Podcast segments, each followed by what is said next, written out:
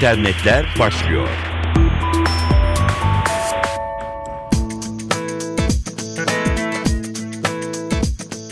Merhaba, dijital dünyanın gelişmelerini aktaracağız. Dijital reklamcılık için kayda değer bir yenilikle başlayalım. Haber Amerika Birleşik Devletleri'nden. Bugünlerde posta kutularında, arkadaşlarınızın paylaştığı adreslerde ya da bir internet sitesinde kısacası elden ele yayılan bu videoya rastlamanız mümkün. Bir kutu kola piknik yapan kızların ellerinden yuvarlanarak çim biçen bahçıvanın ayağına düşer ve olaylar gelişir. Video viral olma yolunda ilerliyor. Peki başarılı bir videonun gelişi nasıl anlaşılır? Sosyal medyaya video reklamlar yayınlayan şirket Unruly, ShareRank adında yeni bir uygulamayı müşterilerin hizmetine sundu.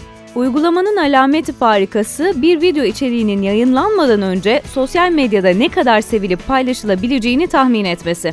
Videoyu internette yayınlayacak olanın bunun için bir fizibilite çalışmasına vakit harcamasına gerek kalmıyor. Unruly söz konusu programı 6 ayda çalışıp hazırlamış bile.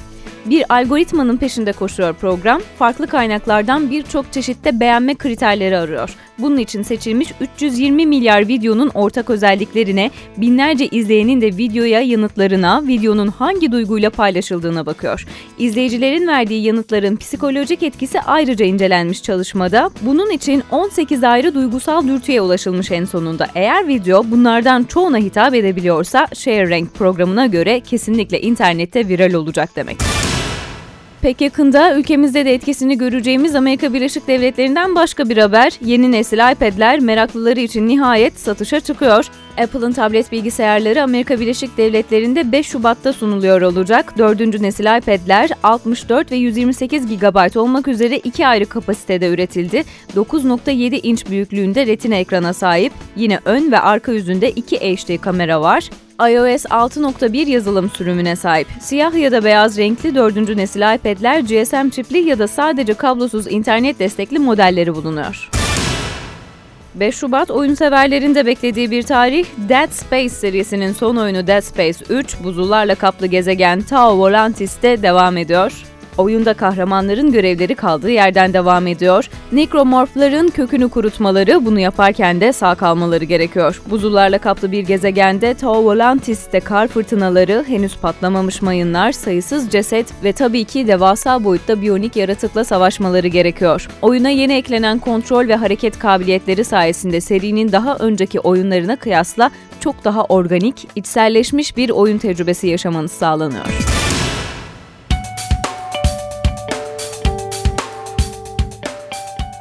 Geçelim Google'a. Resmi açıklama yapılmamıştı. Bizde ne konuşuldu acaba diye soruyorduk. Dev arama motoru Google'ın birkaç hafta önce gerçekleştirdiği Kuzey Kore çıkarmasından bahsediyoruz. İki ismin buluştuğu yeni bir haber düştü ajanslara. Kuzey Kore katı kısıtlamalar uyguladığı internet kullanıcılarına artık Google haritalarla daha fazla mekanını ayrıntılı olarak görüntüleyecek.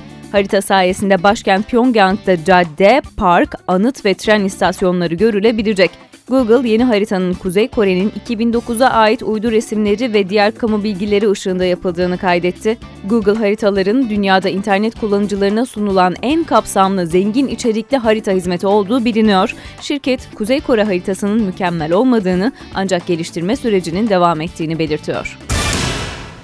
Sevgili dinleyenler, iyi bir Twitter kullanıcısıysanız hashtag'in ne demek olduğunu, ne işe yaradığını zaten gayet iyi biliyorsunuz.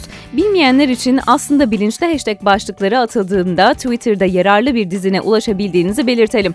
Mail kelimesini de çok kullanıyoruz. Sana bir mail yolladım denilince mail ne demiyoruz. Hashtag, mail bunlar çok dilimize yerleşti. Özellikle Z kuşağı olarak tabir edilen yeni nesil için. Bu örnekleri çoğaltabiliriz ya da dilimize özen göstererek azaltabiliriz. Fransa buna en özen gösteren, dilini en iyi muhafaza eden ülkelerden biri olarak bilinir. Bugünlerde Fransa'nın gündemindeki konulardan biri de internet terimlerinin İngilizce kullanılmaması.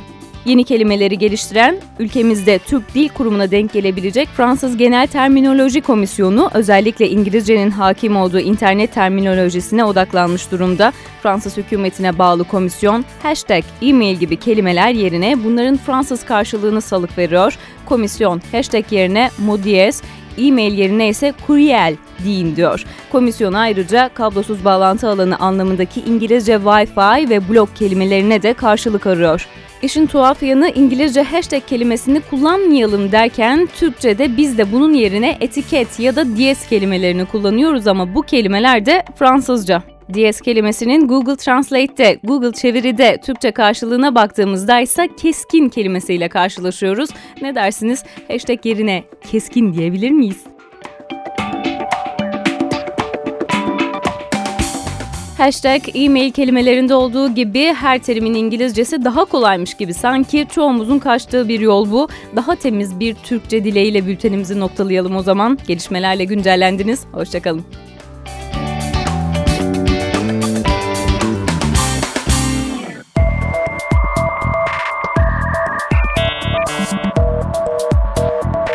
İnternetler sona erdi.